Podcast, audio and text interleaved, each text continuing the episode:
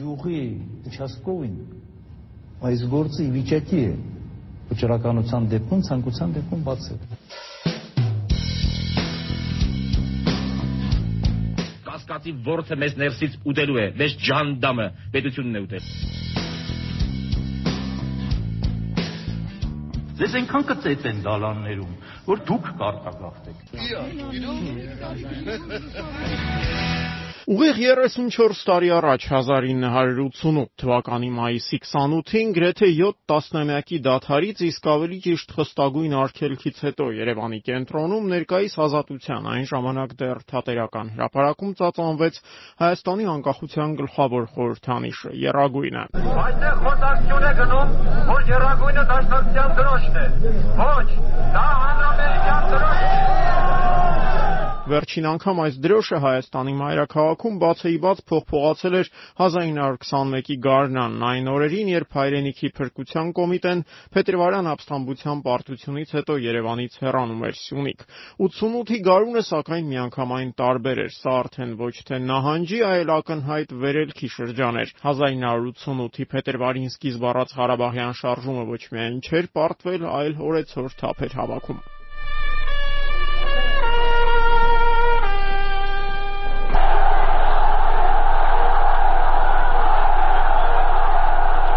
Մայիսին շարժումը ղեկավարող Ղարաբաղ կոմիտեի առաջին կազմը ասպարեզից հեռանում էր։ Զորի Բալայանին, Սիլվա Կապուտիկյանին, Իգոր Մուրադյանին փոխարինելու էին գալիս Ղարաբաղ կոմիտեի երկրորդ, եթե այդպես կարելի ասել, դասական կազմի անդամները։ Կազմ, որին ի վերջո կհաջողվի կոմունիստներին խաղաղ ճանապարհով հեռացնել իշխանությունից եւ վերականգնել անկախ պետականությունը։ 88-ի մայիսին, սակայն, այդ ամենն անգամ պատկերացնելն անհնարին էր։ Փետրվարից հետո նոր-նոր վերսկսվող հանրահավաքները դեռ ընթանում էին ոչ թե Եռագույնի, այլ խորհրդային Հայաստանի երկգույն մուրճ ու մանգաղով զարդարված կարմիր կապույտ կարմիր դրոշների ներքո։ Տասնամյակներ շարունակ խորհրդահայ պատմագրությունը Եռագույնն ամեն կերպ ներկայացնում էր որպես դաշնակցական, այլ ոչ թե համազգային խորհրդանիշ 88-ի գարնանը, սակայն սա արդեն այնքան էլ համոզիչ չէր թվում։ Հատկապես եթե հաշվի առնենք այն հանգամանքը, որ Ղարաբաղյան շարժման սկզբից ի վեր Սփյուռքում գործող ավանդական կուսակցությունները նախ եւ առաջ դաշնակցությունը բավական սառը վերաբերմունք էին որդեգրել Ղարաբաղում եւ Հայաստանում կազմակերպվող ցույցերի հանդեպ, կամա թե ակամա խորհրդային իշխանությունների հետ հայտնվելով բարիկադների նույն կողմում։ Բանը հասնի նրան, որ 88-ի աշնանը, երբ շարժումն իր ամենահուժկու վերելքի փուլում էր, դաշնակցությունն իր ողերիմ հակառակորդների, հնչակյանների ու ռամկավարների հետ Սփյուռքում մի հայտարարություն կտարածի դատապարտելով Հայաստանում ծավալված ցույցերն ու գործադուլները, համոզմունք հայտնելով, թե դրանք մեջբերում ծառայում են մեր ժողովրդի ճշնամիների հետ հետին նպատակներին։ Նման իրավիճակում երևի բնական էր, որ առաջին հանրապետության գլխավոր խորհրդանիշ Եռագույնը ընդհատակից դուրս բերեցին ոչ թե դաշնակցականները, այլ նրանց հետ որևէ առնչություն չունեցող մարդկանց մի փոքր խումբ, որ դեռ խորհրդային տարիներին պայքարում էր անիրական թվացող նպատակի Հայաստանի անկախացման համար։ 1988-ի մայիսի 28-ին Եռագույնը Երևանի փողոցներ վերադարձրեց հայ անկախականների երիտասարդ սերնդի ամենավառ ներկայացուցիչը 1987-ի աշնանը ստեղծված ազգային ինքնորոշում միավորման հիմնադիրներից Մովսես Գորգիսյանը։ Մենք մեր անելիքը արեցինք ժողովուրդ։ Մեզ պետք է այսօր տոնվի եւ նա ով որ այսօրվա տոնը համարում է ոչ տոն կամ չգիտեմ կապիտալիստական կամ դաշնակցական ինչ անում ինչ պիտակ որ կպցնում է հենց նա ուրեմն սխալվում է այդտեղ հենց նա պրովոկացիան ժողովուրդը սովետական ժողովուրդը հայ ժողովուրդը իր ասելիք ասել է մենք հայ ազգը սովետական կազմի մեջ այսօր տոնում ենք մեր պետականության օրը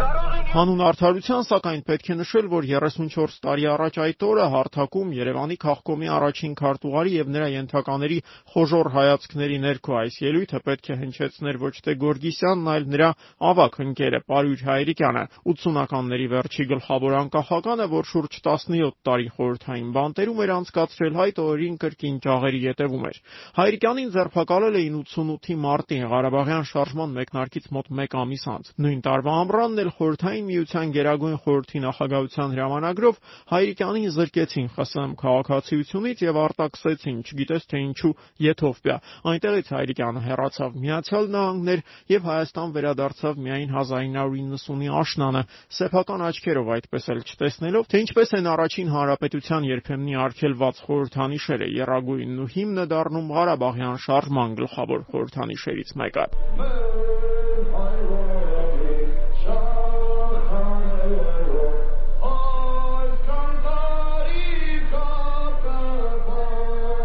Երկրորդ անգամ մայիսի 28-ը նշվեց 1989-ին։ Նախորդ 1 տարում, սակայն, խորհրդային Հայաստանը գրեթե անճանաչելիորեն փոխվել էր։ Այդ 12 ամիսների ընթացքում հանրապետությունում ինչ ասես որ չէր եղել. 100 հազարանոց ցույցեր, երկարատև համազգային գործադուլներ, պարետային ժամ, գրեթե 400 հազար ադրբեջանաբնակ հայերի բռնի տեղահանություն եւ Հայաստանում բնակվող ադրբեջանցիների զանգվածային փախուստ։ Ի վերջո Սպիտակի երկրաշարժ եւ Ղարաբաղ կոմիտեի անդամների ձեռ ձերբակալություն։ Թվում էր, թե այս բուրըն իրադարձություններից հետո հայ հանրությունը դեռ երկար ուշքի չի գա։ Իրականում, սակայն 89-ի ապրիլին բողոքի բազմահազարանոց ակցիաները վերսկսվեցին գագաթնակետին հասնելով մայիսի վերջին։ Այլ հարց էր, որ Ղարաբաղ կոմիտեի ընդհատակյա կազմը, որ փոխարինելու էր եկել ձերբակալվածներին, հանրահավաքները ստիպված էր կազմակերպել Մատենադարանի հարևանությամբ, օպերայի մերձակայքը դեռ նոյեմբերի վերջից շարունակում էր մնալ խորհրդային զորքերի վերահսկողության տակ։ Այդ տարի Մատենադարանի մոտ նշվեց նաև մայիսի 28-ը՝ առաջին հանրապետության ստեղծման 71-ամյակը, եւ հենց Մատենադարանի հարթակից հնչեցին ապագա ազգային հերոս Մովսես Գորգիսյանի թերևս ամենահայտնի խոսքերը. Կեցային Հայաստանը, որը վաղն է գալու։ Վաղվա Հայաստանը սակայն ծնվում էր Ադրբեջանի հետ գնալով թեժացող եւ ավելի ու ավելի պատերազմ հիշեցնող հակամարտության պայմաններում։ Մատենադարանի հարթակից հնչեցրած այս ելույթից կանցնի եւս մի քանի ամիս եւ Մովսես Գորգիսյանը կզոհվի ադրբեջանցիների հետ առաջին լուրջ մարտերից մեկում՝ Երասխի մոտ։ Այդ պահին, սակայն, մթնոլորտը հանրապետությունում արդեն իսկ արմատապես փոխվել էր։ Հանրությունը, որ դրանից ընդամենը 1.5 տարի առաջ վիճում էր, արդյոք երագույնով փողոց դուրս գալը սադրանք չի ընկալվի, ավելի ու ավելի հաճախ էր սկսում մտածել անկախ պետականության վերականգնման հնարավորությունների մասին։ Ադրբեջանցիների հետ ամեն մի նոր ընթարում Ադրբեջանում արձանագրված ամեն մի նոր հայկական ջարդ ավելի ու ավելի էին վարկաբեկում կենտրոնական իշխանություններին հայերի աչքում, ամրապնդելով անկախության կողմնակիցների դիրքերը։ 1990 թվականի գարնանը լարվածությունը գնալով աճում էր եւ գուցե մռայլ սիմվոլիզմ կար այն բանում, որ խորհրդային բանակի ստորաբաժանումների եւ հայկական վատ զինված աշխարազորայինների միջև առաջին խոշոր ընդհարումը տեղի ունեցավ հենց Հանրապետության օրվա նախօրեին 1990 թվականի մայիսի 27-ին։ Երկաթուղային կայարանում սկիզբ առած եւ հետագայում Սովետաշենի խճուղի տեղափոխված բախումների արդյունքում հայկական կողմը 27 զոհ տվեց աշխարազորայիններ եւ խաղաղ բնակիչներ։ Նման պայմաններում բնականաբար որևէ մեկը մայիսի 28-ը չէր տոնելու։ Իրադարձությունները սակայն շատ ավելի խորքային շարժառիթներ ունեին։ Բախումներից մեկ շաբաթ առաջ 1990-ի մայիսի 20-ին Գերագույն խորհրդի ընտրություններ էին կայացել։ Դրանց ընթացքում հայոց համազգային շարժումը մեծամասնություն կազմելու եւ իշխանությունը վերցնելու իրական հայտ էր ներկայացրել։ Շարժման ղեկավարների համոզմամբ ընդհարումները հրահրվեցին կոմունիստական իշխանությունների անխուսափելի թվացող պարտությունը կանխելու, գուցե նաև հարևան Ադրբեջանի օրինակով Մոսկվայի իշխանությունը Հայաստանում ուժով վերահաստատելու համար։ Դա սակայն Մոսկվային չհաջողվեց եւ 1990 թվականի օգոստոսին Լևոն Տեր-Պետրոսյանն ընտրվեց Գերագույն խորհրդի նախագահ։ Դրանից մի քանի շաբաթ անց էլ օգոստոսի 23-ին Հայաստանի առաջին եւ վերջին ոչ կոմունիստական Գերագույն խորհուրդը ընդունեց ընդունեց անկախության հռչակագիրը։ Խորհրդային սոցիալիստական հանրապետության Գերագույն խորհուրդը հռչակում է անկախ պետականության հաստատման գործընթացի սկիզբը։ Հայկական խորհրդային սոցիալիստական հանրապետությունը վերանվանվում է Հայաստանի հանրապետություն։ Կանցնի եւս մի քանի ամիս եւ 70 տարվա դադարից հետո մայիսի 28-ը Հայաստանում կրկին կսկսեն պետականորեն նշել։ 1991 թվականի մայիսի 28-ին Հանրապետության օրվա տոնակատարությունների կենտրոնը Հանրապետության հրապարակն էր։ Հրապարակ, որ դրանից մի քանի ամիս առաջ դեռ կրում էր Վլադիմիր Լենինի անունը, իսկ հոկտեմբերյան հեղափոխության առաջնորդի 20 մետրանոց հսկա հուշարձանն այդ նույն վայրից հեռացվել էր ընդամենը մի քանի շաբաթ առաջ, ապրիլին։ Կոմունիստական իշխանությունն այլևս չկար, բայց բայց իներցիան պահպանվում էր։ Հայաստանի պետական հեռուստատեսության գլխավոր լրատվական ծրագիրը լրաբերը մայիսի 28-ի տոնակատարությունների մասին 1991 թվականին պատմում էր այն նույն ոճով, որով դրանից մի քանի տարի առաջ կլուսաբաներ նոյեմբերի 7-ը կամ մայիսի 1-ը։ Հանրապետության հրապարակ։ Վաղուց մոռացված մի խինդով անկաշկան դու ինքնաբուխ գալիս ու գալիս է ժողովուրդը գալիս է իր տոնին հոգուման տեղած պատմական անարդարության հանդեպ իր անկասելի բողոքը իր թանկ հիշատակների պարտավորեցնող պահանջը ապրելու անկոտրում իր կամքը Ժանը 19 Բարբեր փողոցներով հրապարակ են մտնում փողային բազմաթիվ նվագախմբեր։ Հրապարակի կենտրոնում տեղադրված հսկայական օթապարիկը աստիճանաբար կատարվում է գետնից եւ դանդաղ քսվելով հրապարակը եզերող շենքերին իր հետ դեպի երկինք տանում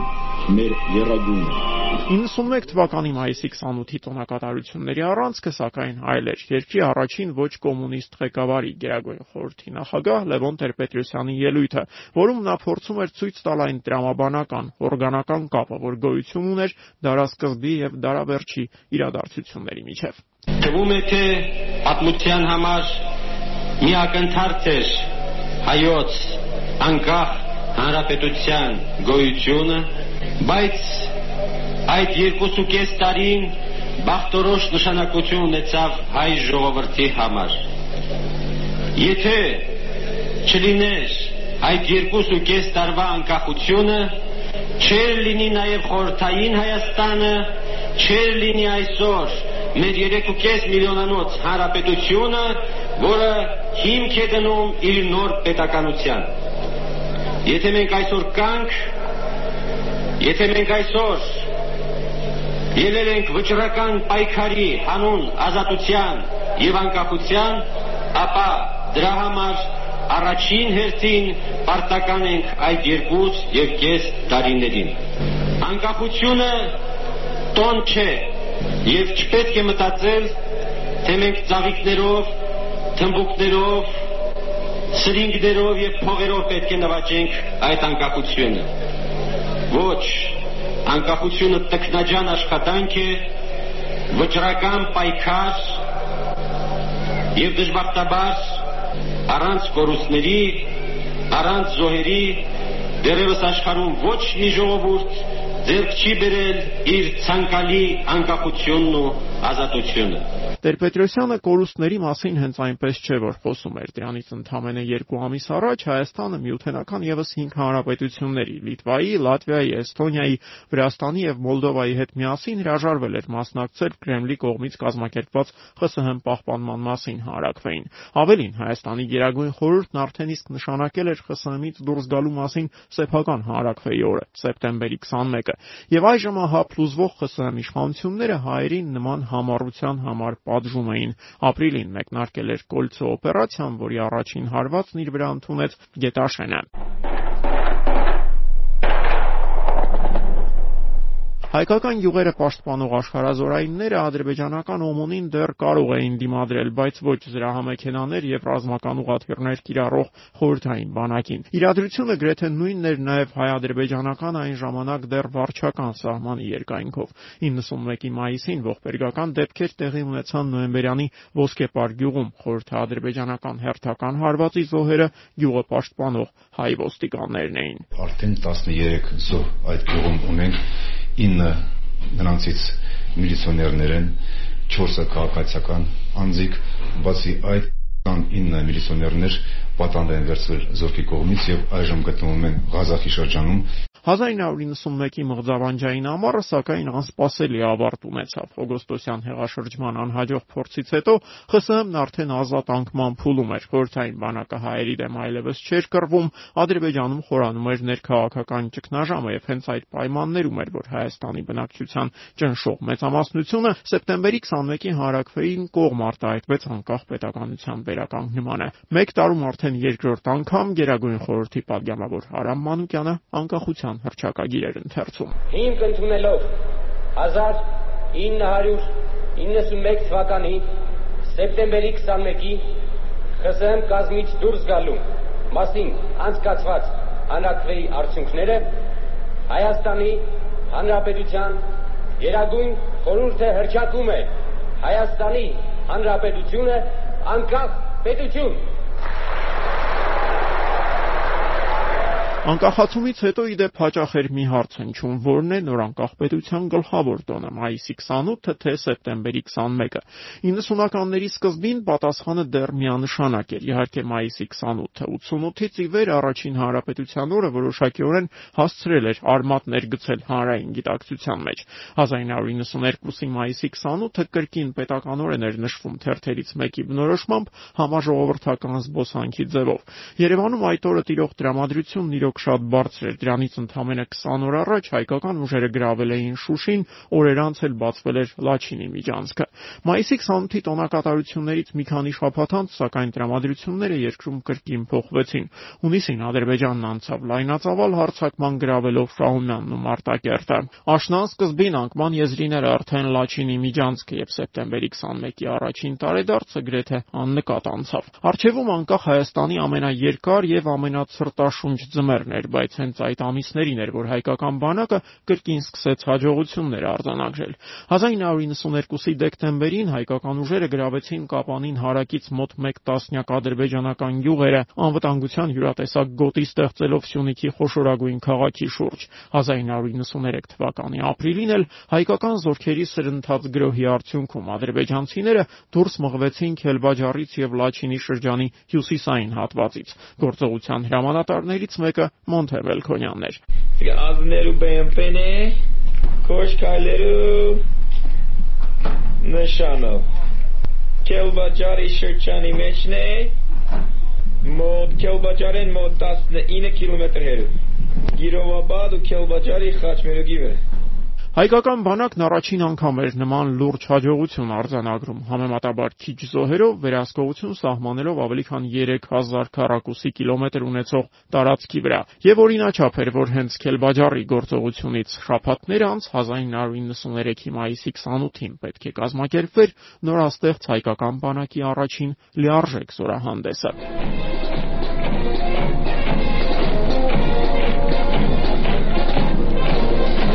Հանրապետության հրապարակում արդեն կանոնավոր բանակներ 88-ի շարժման արդյունքում ստեղծված ֆիդայական ջոկատների եւ ԽՍՀՄ տարբեր ծայրերից հայրենիք վերադարձած կադրային սպաների յուրատեսակ միախառնումը։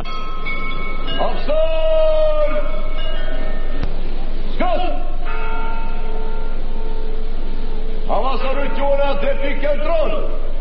Զորահանդեսի հրամանատարը հայրենիք վերադարձած այդ կադրային սպաներից մեկն էր. 80-ականներին Աֆղանստանում տեղակայված խորհրդային 40-րդ բանակի շտաբի պետ Նորադ Տեր Գրիգորյանցը։ Զորահանդեսին հետևում էին նախագահ Լևոն Տեր-Պետրոսյանը, ամենայն հայոց կաթողիկոս Վազգեն Առաջինը, Շքերթն ընդունում էր պաշտպանության նախարարը, Ղարաբաղ կոմիտեի անդամ եւ ԱԺՄ առաջնորդ Վազգեն Մանուկյանը։ Ղարաբաղյան պատերազմի վերջին տարին աչքի ընկավ մի շարք նոր հաջողություններով։ Հայկական ուժերը վերահսկողություն սահմանեցին Ղարաբաղին սահմանակից եւս 5 ադրբեջանական շրջանների նկատմամբ, իսկ 94-ի ձմռանը ծանր կորուստների գնով ճիշտ է կարողացան հետ մղել Հորադիզի եւ Քելբաջարի ուղությամբ ձեռնարկված լայնածավալ ադրբեջանական հարձակումը։ 94 թվականին սակայն հրադադարի կնքումից ընդամենը 2 շաբաթ անց Հայաստանի իշխանությունները գերադասեցին հանրապետության տոնը նշել շատ ավելի կամերային մթնոլորտում։ Հանրապետության հրապարակում այդ օրը ոչ թե զորահանդես էր, այլ տոնական համերգ, իսկ երկրի ողջ քաղաքական քաղաքական եւ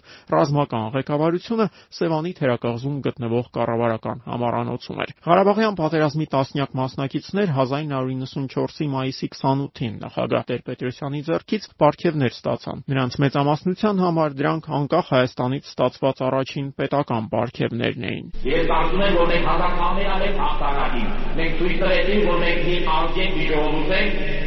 որը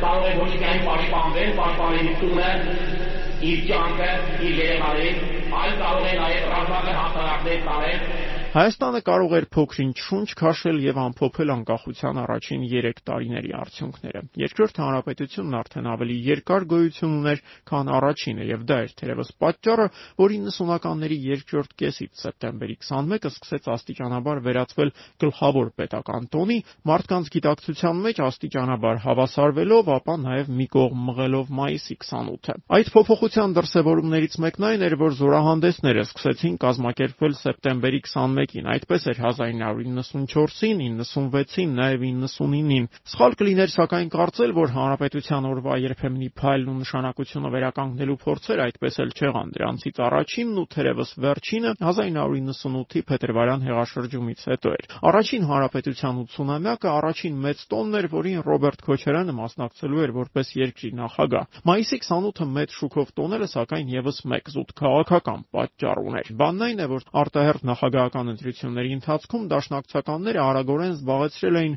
Ռոբերտ Քոչարյանի գլխավոր քաղաքական հենարանի դերը։ Այժմ եկել էր պատասխան ռևերանսի ժամանակը եւ ի վերջո պետք չէր մոռանալ մայիսի 28-ի ակունքներում հենց դաշնակցականներն էին։ Դա էր պատճառը, որ Ռոբերտ Քոչարյանի աշխատակազմը որոշեց անել հնարավորը, որ เป զի 98-ի մայիսի 28-ը նախորդ տարիների տոնակատարություններից տարբերվի։ Նախ հանրապետության օրվա նախորդին Քոչարյանը հանդես եկավ տոնին նվիրված հատուկ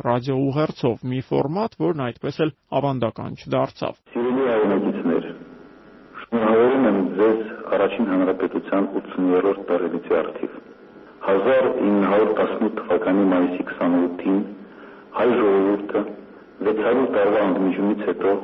կրկին աշխարհին ներկայացավ իբրև ինքնուրույն պետություն։ Հաջորդ օրն արդեն Քոչարյանը սարդարապատում էր։ Տոնի կազմակերպիչները խոստացել էին՝ լինելու է շատ ուտելիք եւ շատ խմիչք։ Երաժշտության հնչյունների ներքո նախագահ Ռոբերտ Քոչարյանը մի կերպ ճանապարհ հարթելով անցավ Արմավիր սարդարապատ խաչմերուկի կամրջի տակով։ Բոլորը ուզում էին մոտենալ, մի բան ասել, մի բան լսել նախագահից Մեկը ձգտում էր նախորոք պատրաստված մի նամակ հանձնել Ռոբերտ Քոչարյանին, բայց ապարդյուն։ Մոտենալ հաջողվեց միայն մի տարեց կնոջ, որը օգնություն էր հայցում։ Ասել եմ, չգիտեմ, ձեզ հասել թե չէ, տղաս Ռուսաստանը անօգնական պատկած է։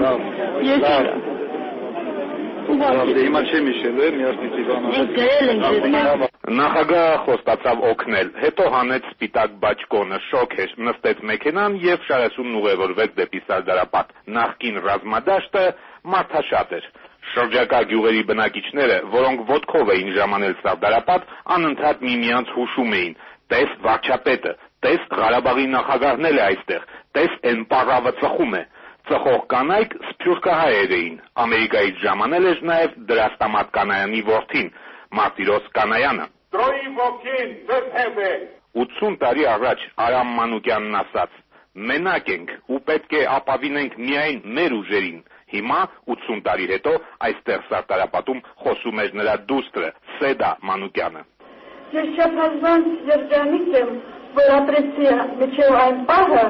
երբ տեսա իմ հայրենիքը ազատ, անկախ, հանդիսությունների կազմակերպիչների խոստացած տակառներով գինին ու հազար մորթված ոչխարը մենք արդեն չտեսանք ուշ էր փոխարենը Արշալույս գյուղի հյուրընկալ բնակիչները մեզ տնական թան, նոր թխված լավաշ եւ պանիր հյուրասիրեցին։ 1998 թվականի մայիսի 28 Սարդարապատ Արմեն Դուլյան։ Հաջորդ տարի 99-ին Հանրապետության օրվա տոնակատարությունները որոշակիորեն ստվերեց ազգային ժողովի ընտրությունների քարոզարշավը։ Քվեարկությունը նշանակված էր մայիսի 30-ին եւ քաղաքական դաշտն ավելի շատ զբաղված էր ընտրություններին նախապատրաստվելով։ 2000 թվականին մայիսի 28-ը մեծ շուկով տոներու տրամադրություն ընդհանրապես չկար հոկտեմբերի 27-ից ընդամենը կես տարի էր անցել։ Ահա այսպես 2000-ականների սկզբի քաղաքական ապաթիան եւ սոցիալական վիճակից բխող անհուսությունն աստիճանաբար տարածվեցին նաեւ պետական տոների վրա։ Այդ տարիներին երբեմն Սարդարապատից դուրս գրեթե ոչինչ չէր հուշում, որ այսօր մայիսի 28-ն է։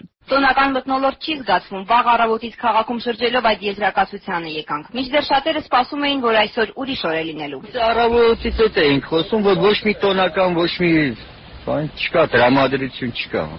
Ժողով չկա, մուզիկա, երաժշտություն, բան ոչ մի տեղ չի հնչում ժպիտ չկա, ամենակարևորը, ուրախություն չկա։ Հարապետության օրվա տոնակատարությունների ավելի ճիշտ դրանց բացակայության մասին Ազատության 2003 թվականի մայիսի 28-ի եթերում պատմում էր Շակե Աբոյանը։ Քոչարյանի նախագահության տարիների ամենատարօրինակ մայիսի 28-ը սակայն 2005-ին էր։ Այդ օրը Հայաստանի եւ Ղարաբաղի ողջ քաղաքական ու հոգեվոր վերնախավը հավաքվել էր Արագածի լանջերին։ Գլխավոր դատախազ Նիգապարան հայրենակցական միության նախագահ Աղման Հովսեփյանի նախաձեռնությամբ Լեռան շուրջ այդ օրը պետք է միասնության շուրջպար տեղի ունենար։ Կազմակերպիչների մտահղացմամբ այս շուրջպարը պետք է դառնար հայ ժողովրդի միասնության խորհրդանիշը։ Փոխարեն այն դարձավ հանրապետության օրվա քաղաքական բովանդակության վերջնական կորստի ապացույցը։ Ազատության 2005 թվականի մայիսի 28-ի եթերում միասնության շուրջպարի մասին պատմում էր Ռոզաննա Ստեփանյանը։ Բոլորի համար անակնկալ էր, երբ ուղաթիռով նորակառույց Տար-Քարերի պուրակ ժամանեցին հանրապետության նախագահ Ռոբերտ Քոչարյանը,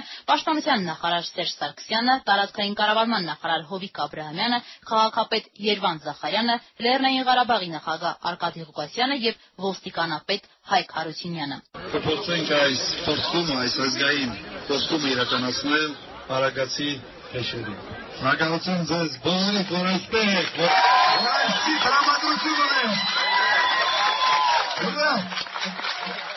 Պատասխանելով ռուսական հերոստանգերության հարցին, թե որքանով է կարևոր Հայաստանի համար այս շուրջպարը, նախագահն ասաց, թե անկասկած սա կարևոր միջոցառում է եւ խոսում է ժողովրդի միասնության մասին, այն մասին, որ կա ազգային գաղափար եւ այս իրավիճակում հայտնված երկրի նախագահը դրա չի կարող ներքին բավարարվածություն չունենալ։ Մինչև շուրջպարը պաշտպանության նախարարին հարցրեցինք, թե արդյոք ապարել գիտի։ Այդ ապարելու համար ցանկություն է պետք, ոչ ապարելու վարպետություն պետք չի։ Ցանկությունելու հոր այս։ Այո։ Ոչ իման չկա։ Այո։ Խանում ենք։ Այո։ Շուրջի պետք է համախմբի այսօր ժողովուրդը։ Բայց երկիր կառուցելու, լավ երկիր կառուցելու։ Այս ոչ մի դեր չի խանգարում, դժվարություններն են խանգարում։ Ժամանակա պետք Փորձեցինք բարձել նաև տարածքային կառավարման նախարար Հովիկ Աբրահամյանի ապարելու ունակությունը։ Գիտեք ապարել սովորել եք։ Այո, դուք գիտեի։ Մանուկ հասակից եմ սովորել։ Ինչպես եւ նախատեսված էր, ժամը 3-ին Տարքարերի բուրակում հավաքվածները շարք կանգնեցին եւ վեհապարի օրնությունից անմիջապես հետո սկսեցին ապարել։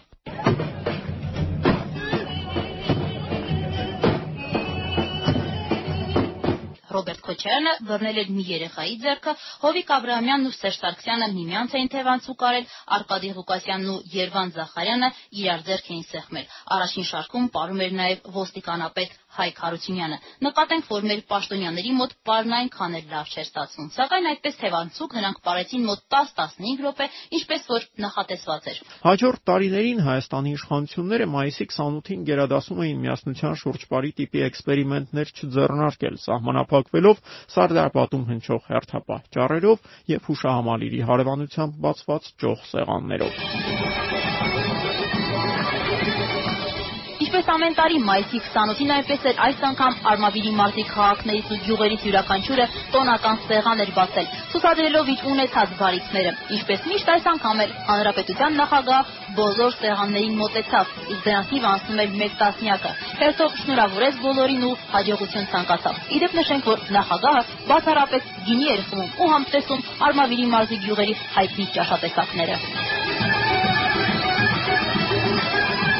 Արմավիր քաղաքի սեղանը զարդարող ուտեստը մեծ չափերի հասնող գոջին էր, որը եւ առաջարկեցին հանրապետության նախագահին, սակայն վերջինս հրաժարվեց նախընտրելով Էջմիածնի բզգուրը։ Այն իդեպ նախագահին շատ դուր եկավ։ Նշենք, որ համտեսման արարողությանը նախագահից միասին մասնակցում էր միայն գյուղատնտեսության նախարար Դավիթ Սոչյանը։ Մյուսները պարզապես կողքից դիտում էին։ Մրգաշատ գյուղի ներկայացուցիչներն էլ խմբված իրենց սեղանի մոտ հանրապետության նախագահին փորձեցին զարմացնել իրենց մեղրու կարակով։ Նախագահը չհրաժարվեց։ Իդեպ հյուրասիրությունից բացի յուրաքանչյուր գյուղ նաև փորձում էր երաշտական մի համար ցուցադրել։ Այսպես Մրգաշատ գյուղի գրադարանավարուհին հատուկ նախագահի համար իր գրած բանաստեղծությունը կարդաց։ Մեր արտերը ջրով է, մեր նախագահան սիրով է, Սարդարապատ մտնելիս խոսքեր ոսկեր ջրով է։ Այնուհետև հանրապետության նախագահը համտեսեց Բերքաշատ գյուղի լոքո ձուկը եւ Լենուղի գյուղի խնոցու կարագը։ Նա նույնիսկ հանդիմանեց նախարար Դավիթ Լոկյանին, որ վերջինս пассив է եւ քիչ է ուտում։ Կարող է հացես կերել նոր է եկել այստեղ,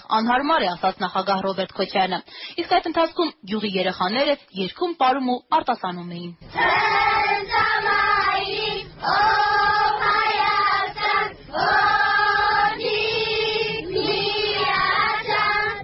Թերևս Ռոբերտ Քոչյանին առավել ուրախացրեցին Սարդարապատ գյուղի միջնակարգ դպրոցի սաները։ Նրանք ներկայացան իբրև ծովային նավատորմի զինվորներ, իսկ երեխաներից մեկն էլ Ղարաբաղի բարբառով Ռոբերտ Քոչյանին զեկուցեց նավի անցած ճանապարհը։ Զեկուցում եմ, Կիլիկյան նավաճիշտ եկել Փորտի նավահանգստից։ Հսալանք միջև միջև կականտով։ Ընտեղ վտահը լանշատ իժեր տեների։ Զեկուցող Քեմատ Ապոլյա։ Իդեպ երեխային Ղարաբաղի բարբառը սովորեցրել էր դպրոցի ուսուցիչներից մեկը, ով ծնունդով Ղարաբաղից է։ 2008-ին առաջին հանրապետության 90-ամյակի տոնակատարությունները նախորդ տարիներից քիչ էին տարբերվում։ Միակ էական տարբերությունը Սերժ Սարգսյանի կարգավիճակն էր։ Նա հանրապետության օրն առաջին անգամ տոնում էր որպես երկրի նախագահ։ Բահրամյան 26-ը դրանից ընդամենը 7 շաբաթ առաջ լքած Ռոբերտ Քոչարյանը, սակայն այդ օրը եւս սարդարապատում էր եւ ականատեսների վկայությամբ բավական ակտիվ էր։ Զորահանդեսից մոտ 5 րոպե առաջ, երբ բոլոր պետական այրերն արդեն հավաքվել էին հրապարակում, եկավ նախկին նախագահ Ռոբերտ Քոչարյանը պետական պահպանության ծառայության արդեն նախկին պետ Գրիգորի Սարգսյանի ուղեկցությամբ, վերջինս զինվորական համազգեստով էր։ Ապա ժամանեց ամենայն հայոց Գարեգին երկրորդ կաթողիկոսը, իսկ նախագահ Սերժ Սարգսյանի ժամանումից վայրկյաններ անց սկսվեց զորահանդեսը։ Զինված ուժերի ազնագազմին ողջույն։ Սարդարապատի ճակատամարտի հերոսների հուշակոթողի մոտ լռության րոպեից ու ծաղկեպսակ դնելուց հետո սկսվեց տոնը։ Հայաստանի մարզերի ու Արցախի տաղավարներում հյուրասիրում էին տեղի լավագույն բարիկներով, սկսած խորովածից ու ձկնեղենից, մինչև գինի, թթի օղի, քաղցրավենիք, տաղավարներից մեկում նախագահին սպասում էին մեծ տորթով Արցախի տատիկն ու պապիկը հուշարձանի նմանությամբ։ Սերժ Սարգսյանին սրանից էլ հյուրասիրեցին։ Ավելի փոքր ես չեմ կարող։ Համով էր, գլխով արեց ու ավելացրեց, բայց ուշադրություն դարձրեք, որ կողքից եմ միայն մի փոքր կերել։ Կոտայքի տաղավարի մոտ Բարգավաճ Հայաստան կուսակցության առաջնորդ Գագիկ Ծառուկյանի մայրը Ռոզա Ծառուկյանն իր մեղրի տարբեր տեսակներն էր շարել։ Նախագահին ինչ եք առաջարկելու։ Ոչ մի բան, երջանկություն, առողջություն, ուտելու ուտելու մեղր եմ առաջար եւ բոլորին, ինչու միայն նախագահին, բոլորին։ Նախկին նախագահ Ռոբերտ Քոչարյանը տաղավարներով շրջում էր ավելի շատ վարչապետ Տիգրան Սարգսյանի ուղեկցությամբ։ 2008-ի մայիսի 28-ին Սարդարապատում կազմակերպված տոնակատարությունների մասին պատմում էր Ռոզան Խաչատրյանը։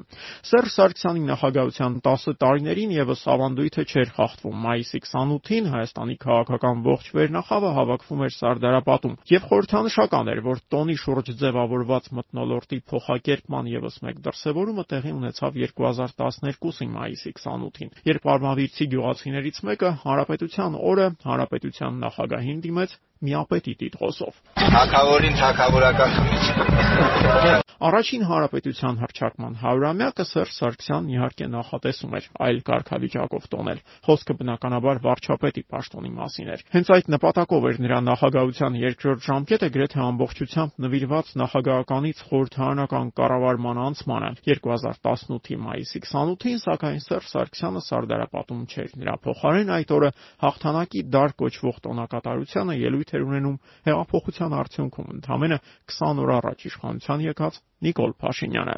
Այլևս երբեք ոչ ոք չի համարցակվի բռնանալ ժողովրդի կամքի վրա եւ Հայաստանի Հանրապետության հաղթական քաղաքացին այլևս երբեք թույլ չի տա պետականության կամ քաղաքացիության կորուստ ինքնիշխանության եւ իրավունքի կորուստ հավատի եւ լավատեսության կորուստ Հայաստանի Հանրապետությունը երկիր մոլորակի վրա պետք է գոյություն ունենա հավիտյան։ Հայաստանի դրոշը պետք է հավիտյան ծածանվի, խորհրդանշելով մեր ոգին ու հպարտությունը։ 44 օրյա պատերազմում Հայաստանի պարտությունը մնում էր 2.5 տարի, ճիշտ այնքան, որքան գոյություն ունեցավ առաջին հանրապետությունը։ Փառք Հայաստանի Հանրապետությանը։ Փառք Հայաստանի զինված ուժերի։ Ուրա! Ուրա!